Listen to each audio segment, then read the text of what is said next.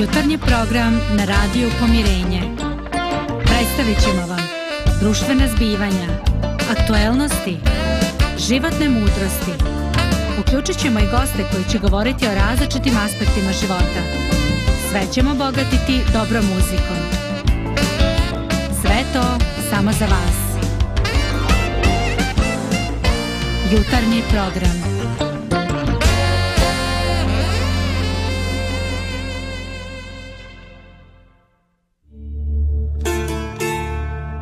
Dođe vrijeme da se čovjek osvrne i poželi da iznova vrijednuje svoj život. Pratite emisiju sa komšijom zdravkom. Elije, pozdrav, dragi slušalci radio pomirenja. Kažem slušalci i onda postanem svjestan da se ovdje vidi video signal i vi ćete ubrzo opaziti da sam ja danas u jednom posebnom statusu, kako posebno, Pa eto, okružen sam sa lijepim svijetom i danas umjesto Božidara imamo Natašu. Nataša, dobrodošla. Ćao A tu je i naša stalna jaka postavka Dragana i tonac nam se vratio s puta, dakle ne očekujemo da ne bude onih brnjtenja kao kad sam ja prethodna dva dana sjedio za mix pultom. Dakle, praštajte da vam bude oproštena. Eto, e, dobro došla ekipa. Ako sam ja dobro razumio, pred kraj će nam se pridružiti i Božidar da nam po običaju za pomogne da zakucamo temu, da dođemo do lijepih zaključaka. Danas se bavimo nekim pojmov, skup pojmova koji su međusobni sinonimi. A to su strpljen ili suprotnost od toga nestrpljiv, uzdržan, neuzdržan. Kad govorimo o ome, e, govorimo o tome kao u nečemu što je realna stvarna potreba. Naravno, čovjek može da izgubi svoj kontakt sa stvarnošću. I stvarno ne bilo lijepo da se desi u životu da nam neko kaže onu narodnu lipši magarče dok trava naraste. Dakle, jesi ti strpljiv, ali to čoga se ti nadaš neće nikad doći. I onda šta ti je? I danas sam zamislio da imamo neke uobičajene slike. Slika prva. Čekate u redu automobila. E pa sad ne znam da li je to zbog neke rampe na pruzi, da li je na graničnom prelazu, to vi sad oberite svoju opciju. I ovako jedno ispred vas 20-30 automobila, kolona ne vidio se e, trag, niko ne prolazi suprotnog smjera. I onda neki baja dodao gas i prelazi nas 20. Kakva je, vi ste vjerojatno svi bili u prilici da doživite tu scenu kakva su vam osjećanja, razmišljanja, šta pomislite? Ne morate reći baš ono, ovaj, ja ne očekujem sad da ćete vi reći ako ste nešto vam ispalo pa ste rekli što niste smijeli.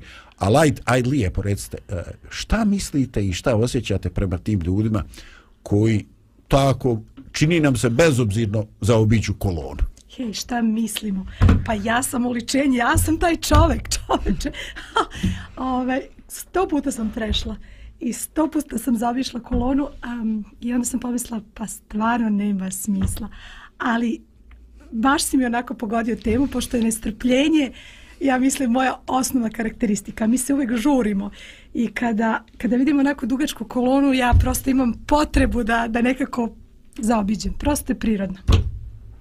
Zdravko, ja ću se uključiti. Ovaj, nekako si mi toliko zainteresovala da sam odmah odlučila da se uključim u priču, jer baš sam imala situaciju juče, znači mi smo, ne juče, prekjuče, pošto smo koristili nekoliko slobodnih dana, a suprug i ja, i bili smo na putu i baš smo trebali da pređemo granicu, nekoliko granice smo prelazili, nije ni bitno, i sad mi svi stojimo u redu i čekamo, čekamo na, na graničnom prelazu. I mi svi, znači kolona ima 30 automobila i svi stojimo, ok. I sad nama je super, mi smo već sve odradili što smo trebali, vraćamo se nazad, znači na početnu poziciju. I ne, nije baš da toliko žurimo. Ali jedan, što ti kažeš, jedan baja, znači, jedan lik tamo iza, on se samo sjurio, znači, traka koja uopšte nije njegova, znači, ne koristi se, to je traka, znači, suprotnog smjera da ljudi idu. Međutim, ne.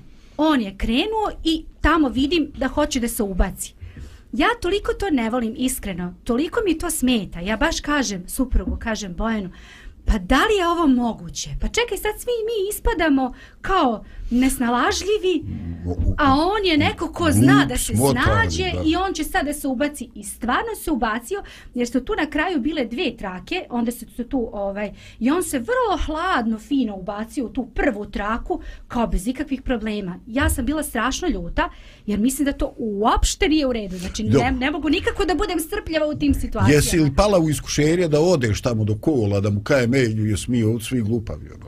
Pa, um, Poznajući tebe, ja, me, me to, to, to nije moj temperament. Nije Ne to. bih ja to tako uradila, ali u sebi, znači, mnogo se ljutim. Baš ne volim.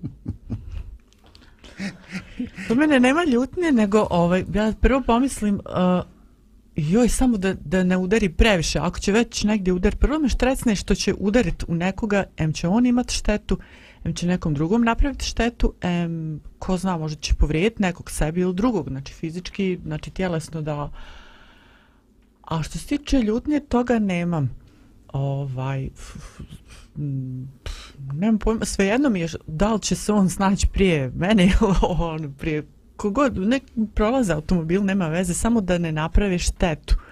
To mi je ono, jedna jedina misao. Čoveče, ti si maksimalno racionalna. pa nisam neka dobrica, ali ne Svaka čast. Ma Pa jesu, pa napravila. evo vidim ja, kad slušam tebe, pa slušam Natašu, Lidiju, pa kad se iskreno sjetim onoga što ja pomislim, a to nije za radio program, onda ovaj onda ti stvarno dobrica svaka čast ovo i ono ma tu bude ono znate ja ga nazovem imenom kao da će biti pečenica ovaj božićna i tako vidi ovoga. E ali znate šta uvijek postoji taj faktor e, neodlučnosti. Možda je to jedan od carinskih službenika koji je išao popiće za tamo ekipu i on se normalno vraća, znači, ono, nema nikvih oznaka gore, rotirajuće svjetlo i to, ali možda stvarno on nije dio naše ekipe. I sad čak i da ga pitam, a neću, možda stvarno čovjek ima opravdanje. Ali onda pomislim, da čovjek ne bud naivan, pa on i koristi taj mehanizam da vi mislite da on ide da on službeno lice, a on je u stvari kvaran ko mučak i vidiš pravi nas međede od nas i provođe. Eto, aj nemoj da se niko nađe ovde prozvan. Uh, ovaj, očito prvi uvod je pokrenuo osjećanja, nadam se i vas gledaoca, nadam se da puno ne psujete na sve ovo, da nisam ja krivac za to. I zato ćemo zamoliti Lidiju, može malo muzike.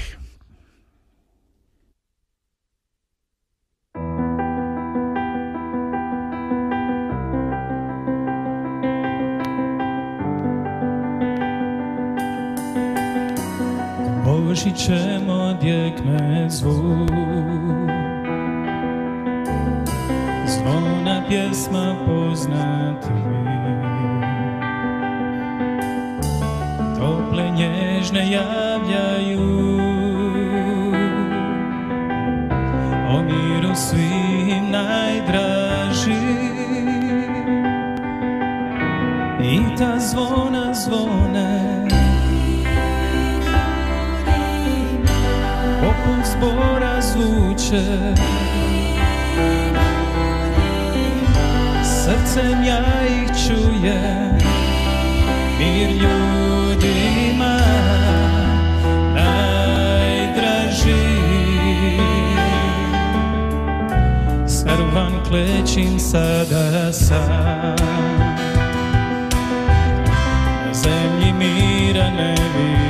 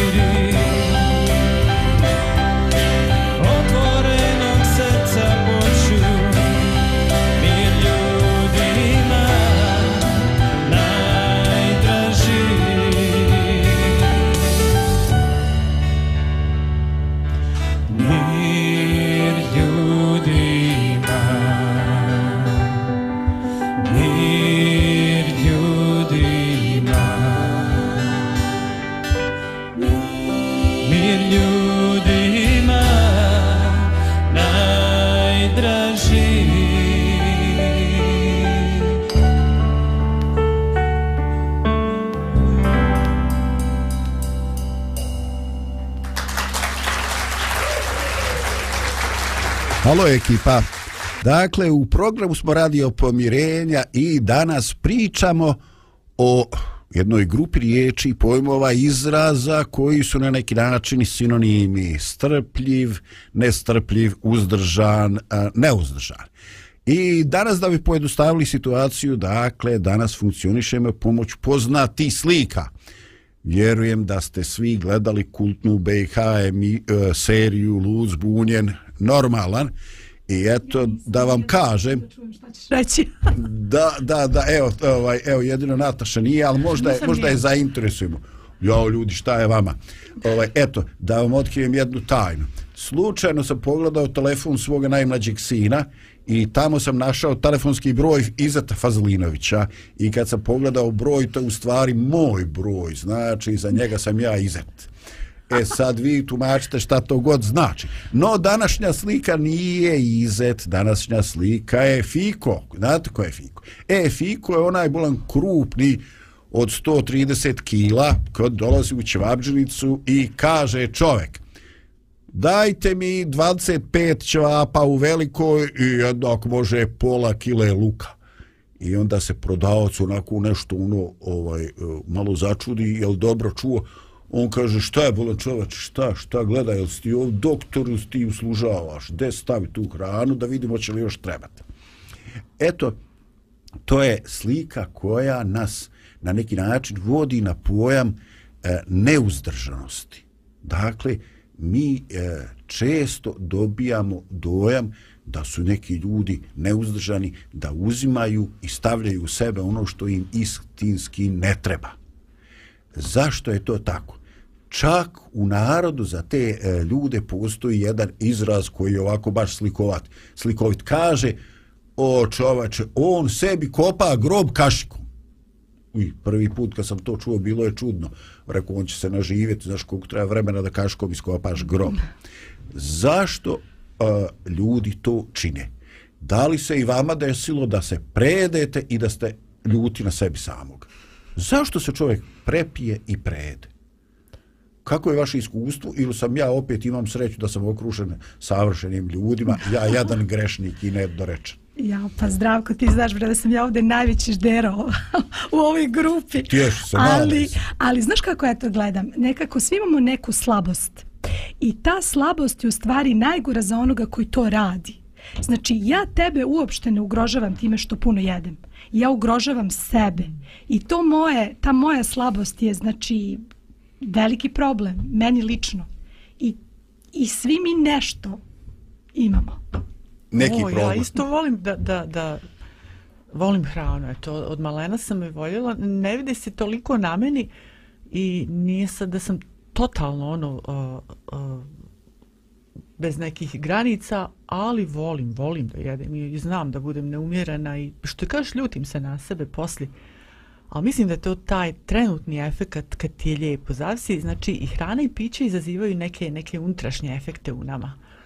Nešto, nešto, neko Mm. zadovoljstvo, šta li, kako, da, da, da kod to onako etiketiramo, to je nešto, znači što izaziva trenutno, a šta će poslije biti, recimo i kad se neko napije, fin mu je onaj efekat, uh, kako da, vrteške da kažem, onako na sve šareno, trenutno ljepši mu je život, bar malo, ali poslije, možda i ako nema mamurluka, ne, neke neke štetne posljedice će, biti poslije toga.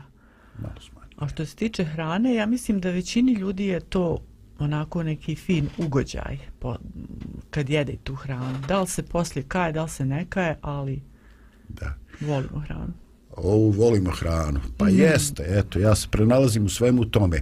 Ali interesantan je taj problem, kaže čovjek, što, što, ovaj, ajde da se nešto popije. Što pa kaže žedan sam. Žedan si, ali popio si pola litre, pa si onda popio po, još pola litre. Što je dalje piješ? Ono, znači, nemoguće da, da si i dalje žedan, iako si popio dvije velike, one, ovaj, kako se to kod nas u, našem, u našim krajevima kaže, ove zidarske, jel tako, flaše. Znači, ti i dalje, dalje piješ. Što to radiš? Pa očito radi neki psihološki i drugi efekata koje čovjeku treba i onda poslije, a, Dragana dobro se to rekla, mi smo ovaj, ljuti na sebe. Ljuti smo kad se prejedemo, a niko nas nije tjero. Nismo mi šopane guske iz Vojvodne, oni uzmu gusku i stavi lijevak i bacaju joj orahe u grlo da je ovaj e, ugoji. Znači, nama to niko drugi ne radi. Ili slika ovoga ljeta sa trga ovde krajine u Banja Luci, dakle vrućina, maksimalno sladoled ide, onda vidim jednog čoveka sa ogromnim sladoledom i ogromnim trbuhom koji visi preko kaiša. I kažem, čoveče, ne vjerujem da si gladan, jel ti baš treba taj pola kile sladoled. Oh. Nemoj zdravko tako, pa ti znaš kakva je to utjeha. Pojesti taj sladoled, posle toga se čovjek, svi problemi su ti rešeni. I to je takva, znači, to je takva ironija u celoj priči. Sa jedne strane, ta hrana ti je potrebna da te uteši, naročito za one koje emotivno jedu. Znači, niko u zdravoj pameti neće sjesti, pojesti ne znam koliko hrane, uh, tri kugle sladoled ili šta god. Ali jednostavno nekad je potrebno da se utješiš. Zašto je čokolada takva utjeha? I onda sami sebi kopamo grob. Sa jedne strane se tješiš, sa jedne strane to ti donosi, osjećaš se dobro posle toga, a na duže stane, strane, uh, na duže staze vidiš koliko je to loše za tebe. I to je uvek ta neka borba u čoveku. Svestan si da nije dobro. Svestan si da, da, da ćeš zažaliti kad tad. Jer to je jedan od onih, kako kažem, da kažem, grehova koje čovjek počini, koje se pre ili kasnije pokažu na tebi. Ili će ti zdravlje stradati, ili, ćeš, ili će Linija. vidjeti, ili će ti stradati linija. Znači, kako god to se vidi, ne može se sakriti, ali jednostavno nešto ti u tebi od tebe. Nešto, kao da, kao da stvaramo neke navike u mozgu koje, koje jednostavno kasnije teško, tačno. To jeste teško Da, pobjedimo. I to je ona, ovaj, šta je to u ljudskom biću što ga tjera prema jelu i piću. U čoveče, vjerujem da i vi koji slušate da ste počeli da analizirate, neki ste se prepoznali, a neki ste se naoštrili i najradije biste javili da svima nama koji imamo problem saspete u brk da smo nedorasli, da nam fali. Eto, i ta mogućnost će, vjerujem, u dogledno vrijeme biti, uh, biti moguće i javljene u program ali e, za sada eto bit će vam uvaženo to što ovaj govorite u sebi ili naglas u svojim sobama ili pred svojim kompjuterima. Da e, ono što sigurno možemo zaključiti iz svega ovoga e, jeste ovaj da jednostavno e, to je problem i da moramo tražiti načina kako da se sa tim problemom e, suočimo. E, dakle e, razmišljajmo o ovome, idemo dalje u našem programu i slušajmo još malo muzike.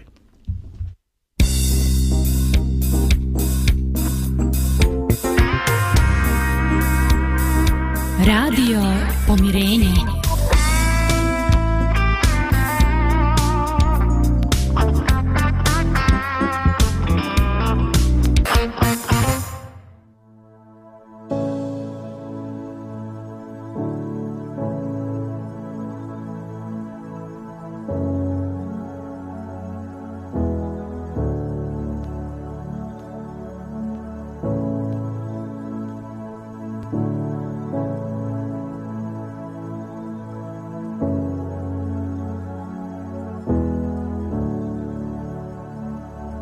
Evo me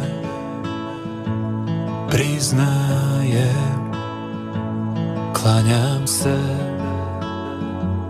Predaje Bez tebe. Gubim se Ti si taj Što vodi me. Gospode, ja tako trebam Tebe svakog trena. Zaštiti me,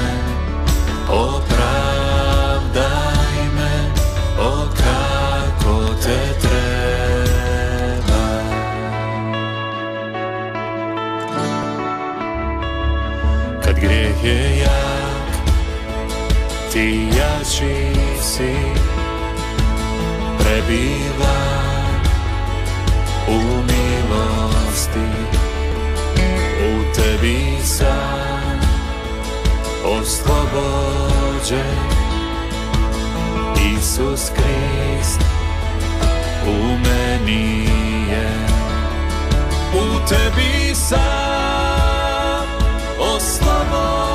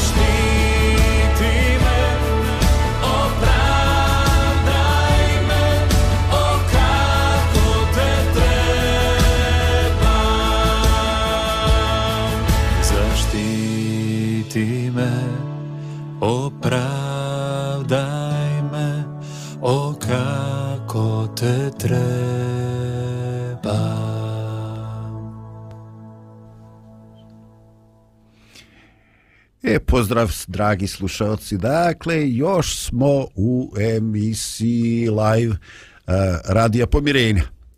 I sad je trenutak da kažemo neku dobru riječ i dobru vijest. Eto, uh, sutra će ljudi koji obilježavaju Božić da pozdravljaju jedne druge sa uh, radosnom viješću Hristo se rodi. Uh, naše komšije katolici su to uradili, još ranije, krajem decembra. Interesantno je da i za one koji su bolji poznavaoci islamske teologije, e, oni također govore o ređenju poslanika, Meshisa. Dakle, to je radosna vijest. Ali, za mene kao čovjeka je e, onako posebna radost kad vidim na tim grupama koje se ne bave religijom.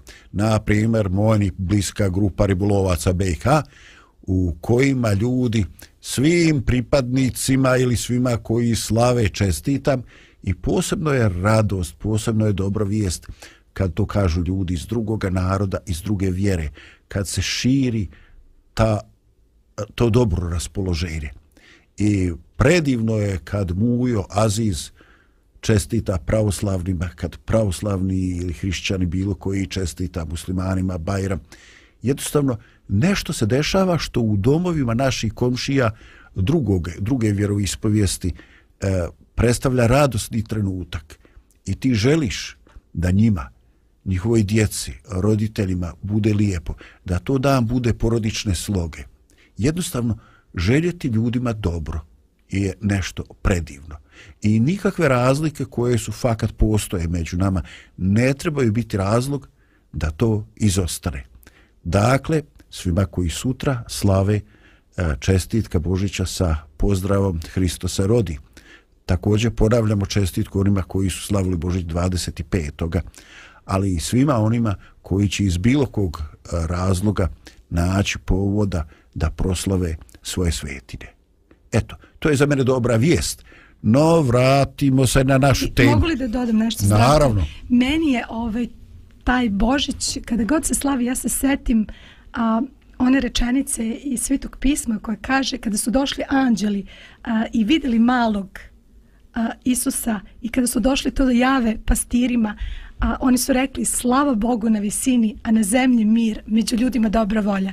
I ja mislim da čitave godine taj duh Božića, odnosno a, proslavljanja dobrog odnosa i sa Bogom i među ljudima treba da bude deo našeg života. Super. Znači, to je ono što živimo svaki dan. I, I to mi je tako prelepo što si rekao. Da, vidi, ovaj taj tvoj izraz, hoću reći nije tvoj, Nataša, ovaj, pripisao sam ti izraz iz svetog pisma. Među ljudima dobra volja. Wow, ljudi, to je toliko moćan izraz da je to strašno. E, pazi, dobra volja među nama. Pa to je fantastično. No, vraćamo se na našu priču, strpljiv, nestrpljiv, uzdržan, neuzdržan. Evo, treća slika. Vjerujem da ste svi imali prilike da doživite, ne znam da li sa svojom djecom ili ste vidjeli da se to dešava tuđom djecom. Vjerovatno se nalazimo negde ispred ili iza kase u tržnom centru, nekoj robnoj kući. I onda roditelje koji posramljeni, zbunjeni, eh, vode, u stvari više ne vode, nego vuku svoje dijete, a on histeriše i viče, hoću autić, hoću kauboja i ne znam šta, ne zna se više ni šta hoće. E, I onda otima se iz ruke roditelja i gotovo da ovaj e, ja pomislim hoće li početi da lupa glavom od, od taj ovaj, keramičke pločice u tržnom centru. I ovaj to je nešto što je uvijek u meni pobuđivalo neku ovaj nelagodu. E sada, da priznam i svoj grijeh. Kad god bi vidio tako nešto, e, uh, učestvovao sam sa u odgoju troje djece, nisam imao taj problem. Moja djeca su počela praviti problem kad su odrasla, znate, ono, velika djeca, veliki problemi. Ali kad god sam vidio to, imao sam jednu nedumicu. I to me sad zanima vaše mišljenje. Na koji način i da li su roditelji ičim uh, doprinijeli toj neuzdržanosti, toj histeriji djece koji hoće nešto i hoće sada i neće sutra i evo svijet treba da propadne ako njihova žena ne bude ovaj zadovoljena. Znam da vas stavljam u vatru i da vam postavljam neugodno pitanje, ali eh, vjerujem da ste bili prisutni tako nečim, tako nekoj sceni. Šta ste Zdravko, vi pa i pomislili? mi smo roditelji, barem ja sam roditelj, ovaj, dešavalo mi se sto puta.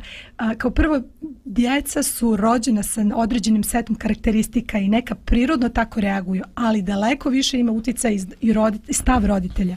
Koliko puta sam videla roditelji koji kažu, ako to još jednom uradiš, brojim do tri i onda broj jedan, dva, dva i po, dva i... Ja kažem, pa ja meni dođe da priđem, da Kažem, daj više, do tri, izbroj jednom. I djeca jednostavno znaju da mogu, sve može da im... Ja, ali to dva i po, izvini. Mnogo mi je zanimljivo da je dva, a ja sam ista ta, znači dva i po. Ali uspevala je, uspevala je bar jedno vreme. Da, pa jeste, ali, ali prosto to u nama sa strane koji gledamo, nama koji gledamo sa strane to zvuči a, jako loše i mene to uvek, eto, ja nemam strpljenja za takve roditelji koji djeci to a, dozvoljavaju i uvek sad si me podsjetio na onu priču, znate ono kada majka ide pored deteta koje vrišti i, a, i, i majka govori Marija, samo još malo. Budi strpljiva, sve će biti dobro. I mama onako mirnim glasom govori, a dete vrišti, hoće igračku i, i plače i pravi haos. A mama govori, Marija, samo malo, još malo strpljivo, sada ćemo izaći, doći ćemo do auta i otićemo kući. I druga žena prilazi i kaže, jao, stvarno vam se divim, koliko vi imate strpljenja sa malom Marijom. A žena se okrene i kaže, ja sam Marija, ova je Jelena. Ona vri. Tako da, mislim, Strpio da je ne staviš u korpu, a u gepek da je ne staviš. Tako da ovaj, svi roditelji imaju taj problem, ali prosto ovaj, nešto što što definitivno mene uvijek izbacuje iz cipela. Nije to samo za posmatrače čoveče, to je, to je za roditelje što kaže isto, znači ne znaju šta da čine, zna, a djeca se rađaju sa, sa tim, drugačiji su im prioriteti i, i shvatanje svijeta kad imaju, ne znam, 3-4 godine ili 24 ili 54, mislim, svi smo bili u tim cipelama, ovim prvim, ovim ranijim. Kakvi smo mi bili kad smo bili mali, šta znamo, onda znamo otprilike da se vraćamo, ovaj, bar ja, kad se trebam ponašati prema nekom djetetu, onda se, ono, i ja isto tako, znaš, ono, ah, čekaj, čekaj, smis, kakva si ti bila? Šta si ti radila sve? Vrištala si tamo, mama je ono, gledala oko, juj, ne mogu, znaš, kao, uporedi se s njima, pa onda, i onda se stvarno smirim. Ali zašto mene u stvari dece nikad ne nerviraju? Ja imam ogromno strpljenje za djecu. Znači, mene djeca ne mogu da iznerviraju. Mene roditelji nerviraju. Roditelji koji nisu dosledni, koji, znači, postoji jedan princip, ja to zovem, a, znači, moj princip je ljubazno i teraj po svome. Znači, uvijek budi ljubazna prema djeci, ali teraj po svome. Znači, ako znaš da je nešto ispravno, znači, kod mene nema tog divljanja. Kako divljanje? Ja kad brojim, brojim je takav, podržavam. te. Jeste, broj do znam tri i uradiš šta Još- treba da uradiš. Recimo, u nama, u našoj kući nikad nije bilo ovaj, dva i po, uvek je bilo do tri. I nikad nisam u stvari ni došla do tri. Oni su već znali da do dva. I, tako Oni da su meni u znali stvari- s kim imaju I posla. znali su s kim imaju posla, imaju posla. Ali zaista mislim da je u stvari a, problem u roditeljima, ne u djeci. Evo vidite, uh, vjerujem da mnogi reaguju slušajući ovo i htjeli bi da se izraze. Ja uh, se ponekad pitam, ja ne želim reći da, sam, e, ima, da imam dobru djecu i nikada nisam imao taj problem. Ali ovaj e, oni su se ovaj e, te neke svoje nezgodne osobine postepeno razvijali, ne znam kako, jesu učili od mene. Znači nisu to pokazivali kao dio svoje prirode u najmlađim godinama, nego kasnije su počeli da prave belaje. Znači što su bili stariji, to su eskalirali problemi. Ali u to doba, mislim, nevjerovatno. Da, javlja mi se i jedan, e, jedno pitanje, a nisam dovoljno stručan da vam sugerišem odgovor, iako naravno imam svoje mišljenje, a to je, e, da li možda ono što se dešava majici u doba trudnoće, znači sve ono, onaj period kad je ona jako senzibilizovana, senzibilizirana, kad ovaj osjeća, kad pojačano doživljava sve oko sebe, ovaj, da li ta nervoza koju ona ima se nekim kanalima, nervima, eh, kao jedan obrazac ponašanja prenosi da dijete. Eh, naravno, naš porodični doktor, kad smo išli eh, i kod pedijatra, govorio je da je bitno šta majka doživljava dok je, dok je u doba trudnoće. I zaista čini mi se da ima nešto u onome odgoj vašega djeteta počinje prije nego što se rodi. Dakle, e, nešto od toga je rezultat ne samo naših stavova prema životu, nego rezultat onoga što mi proživljavamo, što imamo ovaj u sebi, jednostavno impulsa koje e, savladavamo ili koji nam e, nekontrolisano izađu iz nas. E, De, definitivno, znači, da se ne dođem, da djeca osjećaju emocije.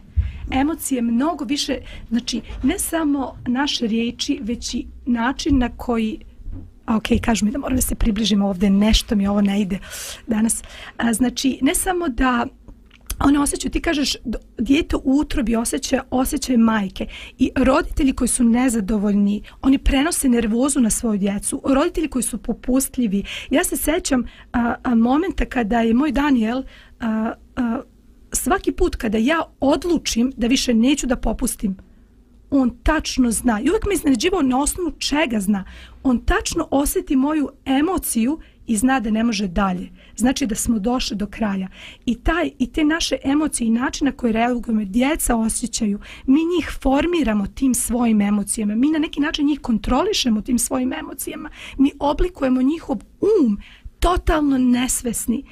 Naše riječi i naše emocije su ponekad u totalnoj suprotnosti, a djeca to sve osjete. Ako hoćete da imate zdravo dijete, morate imati zdrave emocije, a onda se opet sve svedi, na- sve, sve to povezano sa načinom na koji razmišljamo, na koji posmatramo svet. I, I to naše nestrpljenje u stvari prenosimo na svoju djecu, a onda ne možemo poslati ih obuzdamo. E, to mene fascinira, ta tvoja izjava, e, na osnovu čega on zna da je dotirao cara do duvara. Znači, jedno je sigurno, osjetilom ili nekim znakom na tvojem licu, širenjem zenica, crvenilom na licu, on kaže, e, sad je vrag odnio šal, nemoj više da je, da je provociraš. Ali znači, oni su mladi, nema iskustva, ali oni čovače vide, tačno znaju kad treba da se zaustave. I vjerujem da je to glavni problem E, e, kad djeca manipulišu jer vide u roditelju neodlučnost da on nešto priča, ali nije u stanju i nije spreman da istira, to je, to je o čemu priča. Uh, dobro, teška tema i zaista je e, nezahvalno Opširna bilo tema, šta, jeste. bilo šta zaključiti. dotakli, Da, da, mi nećemo da se miješamo u to kako ćete vi odgajati svoju djecu. Mi eto samo tako malo glasno razmišljamo i nećemo više ni da razmišljamo, sad ćemo još malo da slušamo muziku Lidija. Želimo muzike malo.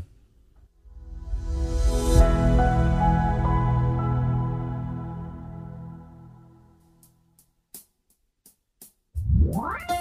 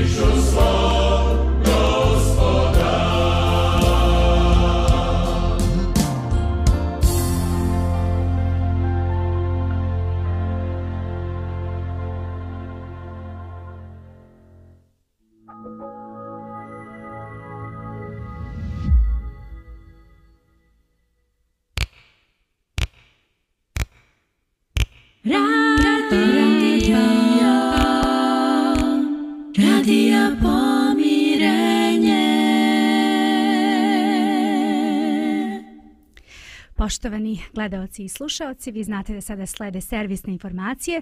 Evo nešto da kažemo o vremenu što se tiče vremena i temperature danas. U Sarajevu se očekuje najviša dnevna temperatura 11 stepeni, u Banja Luci 12, u Tuzli 13, Brčko 12, Prijedor 13. Dakle, još uvek imamo onako neke prolećne a, temperature. A, kada je u pitanju vrijeme, jedna zanimljiva informacija koju sam eh, jutros pročitala, a to je da kažu da eh, zima 2022-2023. godine nastavlja u toplom ritmu. Kažu da večeras je vrh Bjelašnice ponovo službeno bez snežnog pokrivača ovih dana, eh, što je veoma redka pojava, kažu za ovu planinu u januaru. I također kažu da se zadnji put to desilo davne 62. godine, na početku januara. To najbolje dočarava koliko je ova zima u svom dosadašnjem delu topla. Ali čekamo još, znači zima još uvek traje, imamo dovoljno vremena, dakle februar, mart, pa čak i u aprilu e, postoji mogućnost da naša bjelašnica bude e, sa snežnim pokrivačem. Što se tiče informacija vezanih za stanje na, stanje na putevima, putevima trebamo reći da a, na graničnim prelazima a, imamo nešto pojačan promet vozila.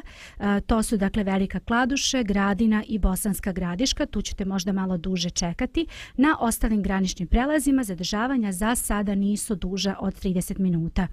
I još jednu važnu informaciju danas trebamo reći našim građanima, sugrađanima, a to je da povodom nastupajućeg verskog praznika pravoslavnog Božića na teritoriji Bosne i Hercegovine zabranjuje se e, prevoz eksplozivnih materijala danas, dakle 6. januara, od 12 sati do 24 sata e, e, znači 12 sati do 24 sata, znači do 7. januara 2023. godine.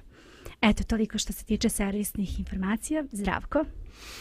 Dakle, i dalje pričamo o uzdržan, neuzdržan, strpljiv, nestrpljiv. I vidite, kad govorimo o tome, često spomen, možemo spomenuti ljudske impulse. E, impulse kao poriv da nešto uradimo. I često su ti impulse skopčani s nekom emocijom sa iznenađenošću, šokiranošću, ljutinom, bijesom, kao onaj kad vas pređe u koloni, pravila s blentavima i tako. I naravno, ja sam slušao i tako neke baš egzotične izjave od kontroli ovaj e, impulsa. Ovaj, dakle, dođu neki ljudi, ima flaster na glavi, šta je bilo, brate, gde se, šta se desilo? Pa kaže, ovaj, flaša. Pa kakva flaša? Kaže, bio u kafani. Što nije valjda neko to udario flašu? Ma nije. Nek šta? Udario sam sebe. Što? Joj, pustili Tomu Zdravkovića i tako. Eto, imaju neki ljudi koji jednostavno intenzivno doživljavaju sve ono što se dešava i e, padnu u sevdah i jednostavno dožive, imaju neke impulse i ne mogu da ih iskontrolišu i onda naprave, što bi rekli u Bosni, neki belaj. Eto ti. E, interesantno da kontrola impulsa je nešto o čemu bi najviše mogli da nam govore ljudi koji se bave askezom. Kad kažem askeza, mislim na a, pripadnike ili odobrane ljude u svim velikim monoteističkim religijama. Dakle, askezu imamo u judaizmu, hrišćanstvu, islamu, a, kao oblik, kao način života, kao a, želju da čovjek kontroliše svoje impulse, pogotovo one niže, neko kaže animalne i životinske prirode, da jednostavno podiže svoj život na neki viši nivo. Eto, da bismo o tome govorili zaista autoritativno, trebali bismo u programu da imamo nekoga monaha ili e, nekoga e, iz tekije, nekoga derviša, ali danas ga nismo obezbijedili možda neki drugi put. No, za nas obične smrtnike, to je, ostaje pitanje, dakle, koje je možda blisko sa askezom, a to je kontrola sobstvenih impulsa. A, kolegirice, kako je vaše iskustvo? Hoćemo opet da se razotkrivamo slabosti ili šta će biti? Eto, ko će prvi da se javi? Pa, evo, krećemo. Blaženi među, među ženama. E, Evo, Danas javljamo se. definitivno. Pa, ovo, ovo mi je interesantno zato što askeza, bar mene, uh, asocira na neki način borbe sa samim sobom.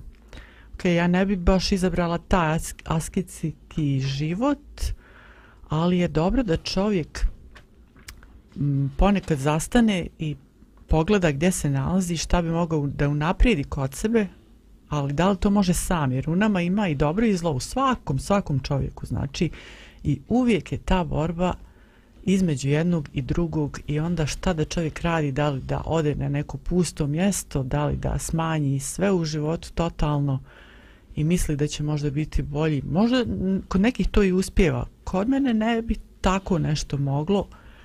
A, ja više volim da živim ovako među ljudima i da vidim u stvari uh, kad mi dođu ta iskušenja baš kad sam sa ljudima da vidim i te svoje negativne strane i onda vidim aha znači to se treba popravljati to i to i to i to mi zapravo i pomaže bez obzira što mislim da, da sam povrijeđena tad da, da ću imat neke rane i to ali ali uh, borba sa samim sobom sobom je jeste to je to je baš nešto Jest. potrebno i Mm. um, još sam nešto htjela nešto jako mi je bitno bilo tu Da, sam zaboravila doće to, godine, doće godine Ne, meni je super ovo što si rekla, znači iza izbor, uvijek imamo neki izbor.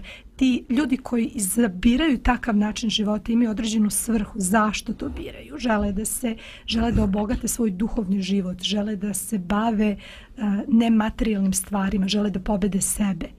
I, i, ali svaki čovjek, znači ne moramo svi da budemo askete, ne moramo svi da odemo i da se izolujemo, zapravo to i nije cilj. A cilj je da sami sebe pobedimo, ali ne ali sa druge strane ne možemo sami, ali mi biramo, znači svaki dan biramo između dobrog i lošeg. Znači naša volja tu igra jako veliku ulogu. E sad, neko ima jaču volju, neko slabiju volju i to je sada problem. Kako da pobedim tu, tu svoju, tu neku svoju slabost. Ja izabiram svaki dan i, i, on, i molim se Bogu da mi pomogne i kažem, Bože, vidiš da ne mogu sama nešto da pobedim uvijek taj neki aspekt ovaj, treba ti pomoć izvana, ne možeš sam, a u isto vrijeme moraš sam da odlučiš, jer ako sam ne odlučiš, niko ne može da ti nametne. E, to je to što kažem nad, nadvladati ovo što kažeš treba ti uvijek neko izvana znači ali ti donosiš odluke ko će zapravo nadvladati i kak, kakav će način biti tog pomaganja znači da li će prevladati ova tamna ili, ili svjetla strana. Ja kao osoba koja vjeruje a, da postoji viša sila i, i dobra i loša znači uvijek postoje te dvije sile koje koje su jače od nas, ali više volim da, da svoj život predajem Bogu i da, da mi on pomogne u tome zapravo. Vidim da, da ne mogu sama, kao što, što mnogi askete možda misle da mogu sami na neki način, nekim svojim dijelima, da, da bez obzira koliko su oni religiozni, ali ima ih dosta koji, koji na neki svoj način to pokušavaju raditi, ali potrebno ti je, potrebno ti je pod, ta podrška što kažeš ti. podrška izvana. Da. Ovaj, pa dobro, e, jednostavno ja miri pada na pamet ona a, indijanska poslovica kad a, b, stari član plemena govori o dva vuka koje postoje u svakom čovjeku i onda uh, ovaj neko od mladih postavlja pitanje a koji će vuk pobjediti kaže pa onaj koga redovno hraniš. E sada ovaj meni je, meni je uh, nekako baš zapadnjački ova izjava o donošenju odluke. Jer čitajući svetog apostola Pavla ovaj, ja nisam stekao dojam da je tu u Pitoru baš mnogo odluka jer čovjek čini ono što neće. Znači, kad je nešto jače u tebi, kad je e, dio tebe, ti to činiš iako se to protivi tvojim ženama. Da, tako da, ovaj, i, također, e, ja ne bi, ja kažem, nama je sinonim uh, za asketizam su monasi, derviše i tako, ali asketizam je životni stil i on ne mora obavezno podrazumijevati izolaciju, usamljenost, neku ćeliju. Koliko ja imam informacija, čak mnogi uh, Eh, monasi trebaju dobiti posebnu, eh, posebnu dozvolu da budu sami, jer samoća može biti veliki eh, psihički izazov i može čoveka a, umjesto da ga unapredi dovesti do nekog oblika nezdrave duhovnosti. Ali a, definitivno imamo osjećaj da mi nismo baš previše kompetentni da pričamo o tome. E, Lidija, molim te malo muzike, rastereti nas ove teške teme, pa da uđemo u zadnje pitanje našeg današnjeg druženja. Pomirit ću ljude kad pomirim se. Promijenit ću svijet kad promijenim se. Upoznat ću mir kad okolim se. Za dobro i loš kad zahvalim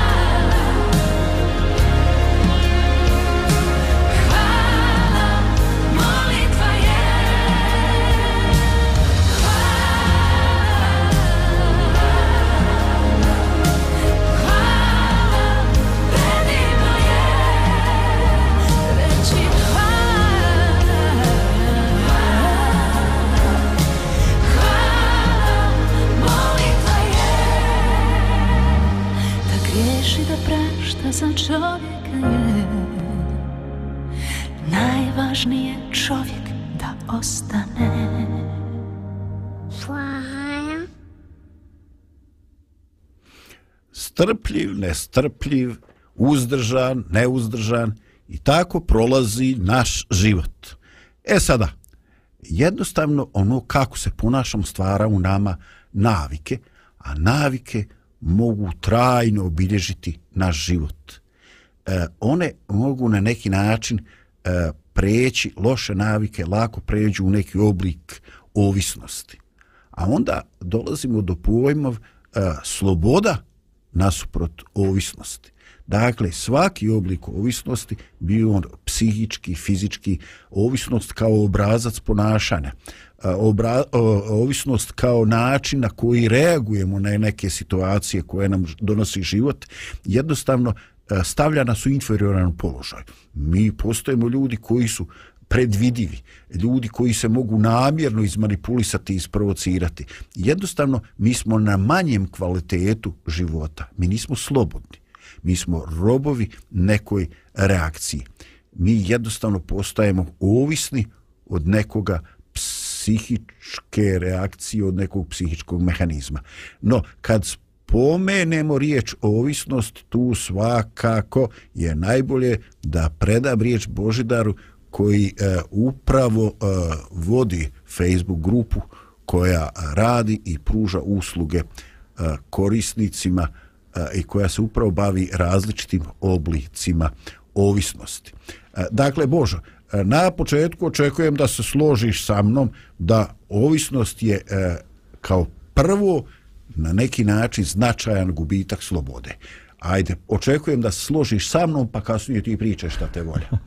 Slažem se s tobom, kad se počeo da pričaš kao Božo idealan da govori o ovisnostima, pomislio sad ću reći zato što je on bio ovisnik. A Pa, da. Bio sam, da, bio sam, nisam se nikad prežderavao u životu, ove, što je bila vaša priča od malo prije, ali sam imao neke druge zavisnosti sa kojima sam se dugo borio u životu.